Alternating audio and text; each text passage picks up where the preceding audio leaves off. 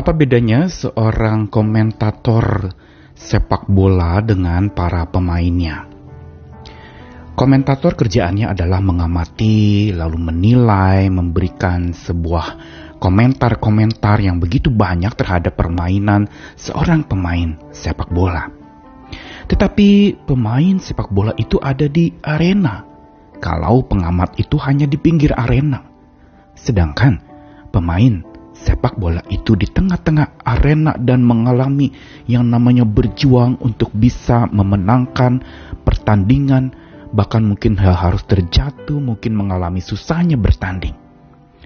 Dan gambaran ini sebenarnya menjadi alat untuk kita melihat kepada diri kita sendiri. Kita sekedar komentator-komentator saja, atau kita pemain-pemain yang ada di arena. Komentator saya ibaratkan seperti pengamat. Orang yang percaya kepada Tuhan tetapi kerjanya hanya mengamati umat Tuhan. Mengamat-ngamati dari jauh meneropongnya seperti seorang membawa kamera teropong dan menilai dari jauh tentang keberadaan orang itu, lalu memberikan komentar-komentar terhadapnya tanpa mengenal dia lebih dekat, tanpa menghampiri dan mengetahui betapa susahnya orang yang diamati itu dan seorang pengamal, saya sebutkan pemain itu sama seperti pengamal iman, yaitu orang yang mengamalkan iman.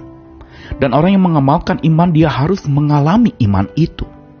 Dia bukan sekedar mengetahui, bukan sekedar mengomentari, bukan sekedar mengkritik atau memberikan masukan-masukan dengan teropong kacamatanya dalam menilai, tetapi dia ikut bermain sehingga saat dia menilai pun, saat dia mengamati dan mengomentari, dia tidak sembarangan melakukannya.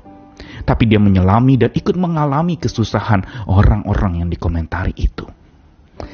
Saudara termasuk yang mana? Apakah di dalam percaya kita kepada Tuhan hanya sekedar menjadi pengamat atau pengamal? Seringkali kita malah terlalu fasih meneropong orang lain, tapi lupa menopangnya. Saya Nikolas Kurniawan kembali menemani di dalam Sabda Tuhan. Hari ini teguran dari Sabda Tuhan dari dua bagian. Firman Tuhan pertama dari 1 Petrus 1 ayat 22. Karena kamu telah menyucikan dirimu oleh ketaatan pada kebenaran. Sehingga kamu dapat mengamalkan kasih persaudaraan yang tulus ikhlas. Hendaklah kamu bersungguh-sungguh saling mengasihi dengan segenap hatimu. Lalu Yakobus 1 ayat 23 sampai 25. Sebab jika seorang hanya mendengar firman saja dan tidak melakukannya, ia adalah seumpama seorang yang sedang mengamat-amati mukanya yang sebenarnya di depan cermin. Baru saja ia memandang dirinya ia sudah pergi atau ia segera lupa bagaimana rupanya. Tapi barang siapa meneliti hukum yang sempurna, yaitu hukum yang memerdekakan orang dan ia bertekun di dalamnya, jadi bukan hanya mendengar untuk melupakannya, tapi sungguh-sungguh melakukannya, ia akan berbahagia oleh perbuatannya. Dua sabda Tuhan ini menekankan dan menegaskan tentang satu hal yang penting di dalam iman percaya kita kepada Tuhan, yaitu bicara soal pengamalan. Di 1 Petrus pasal 1, sebagaimana murid Kristus ini yang sangat vokal dan Tuhan bekali dia menjadi seorang yang sungguh memberikan pesan yang penting buat jemaat. Dia menegaskan tentang kalau kita sudah menjadi pengikut Tuhan, taat pada kebenaran, maka kita dapat mengamalkan kasih persaudaraan yang tulus ikhlas. Perhatikan digunakan kata mengamalkan kasih persaudaraan. Yang berarti kasih itu bukan sekedar sebuah kebenaran yang dipegang teguh, dihafal-hafal lalu diingat-ingat, tetapi tidak diamalkan. Sehingga dikatakan kalau kita sudah taat pada kebenaran, mau tidak mau dan tidak bisa tidak, kita dapat mengamalkan kasih persaudaraan yang tulus ikhlas. Kata penting di situ adalah mengamalkan. Dan dikatakan lagi lebih lanjut, sehingga kamu bersungguh-sungguh saling mengasihi dengan segenap hatimu. Apa artinya bersungguh-sungguh saling mengasihi? Berarti di dalamnya ada sebuah pengamalan yang berangkat dari pengalaman, saling mengalami. Kita tidak sembarangan menilai atau meneropong orang, tapi kita masuk ke dalam susahnya dia mengalami pergumulan hidup yang berat. Dan Yakobus 1 kembali menegaskan tentang seorang pengamat yang disetarakan dengan orang yang hanya dengar firman tapi tidak melakukan. Dia sedang mengamat-amati mukanya menjadi pengamat yang sangat handal, punya teropong yang sangat tajam untuk bercermin pula, tapi hanya sekilas pandang saja. Ia memandang dirinya, mengamati dirinya setelah itu pergi dan lupa bagaimana rupanya. Dan Yakobus mengingatkan bahwa orang yang percaya kepada Tuhan dan terus hidup dari sabdanya, dia akan meneliti hukum yang sempurna dia bertekun di dalamnya untuk melakukan yang mengamalkannya. Bukan hanya mendengar untuk melupakan, tapi sungguh-sungguh mengamalkannya. Dan ia akan berbahagia oleh perbuatannya. Yakobus sangat kuat di dalam pengajaran tentang iman yang dilakukan. Bukan iman yang sekedar dipercayai atau dipegang teguh oleh orang-orang beragama. Tapi sebuah iman yang nyata lewat tindakan yang konkret.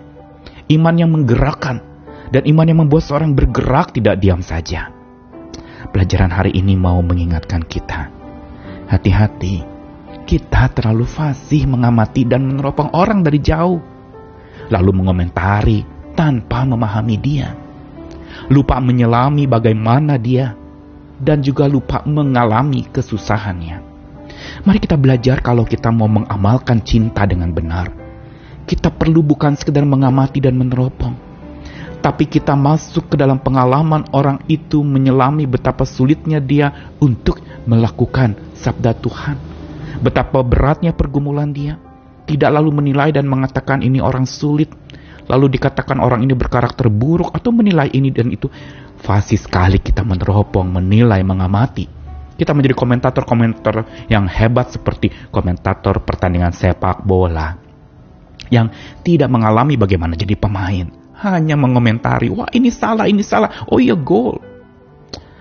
Ayo mari, jangan sampai terlalu fasih meneropong, sampai lupa menopang. Tapi biarlah kita menjadi fasih di dalam menopang. Amalkan cinta kita dengan benar. Cinta yang dari Tuhan itu amalkanlah, bukan sekedar dihafalkan. Hampirilah orang itu bukan mengomentarinya saja. Dan Topanglah dia dari dekat, jangan meneropongnya saja dari jauh. Ayo kita belajar, tanggalkan teropongmu, ayo angkat tanganmu berjuang menopang orang. Sambil menjaga kawanan, kita belajar bukan meneropong tapi menopang, bukan mengomentari tapi menghampiri, bukan sekedar memahami tapi menyelami dan mengalami kesusahan sesama kita. Kasih patut kita latih dalam setiap hari sampai menjadi fasih.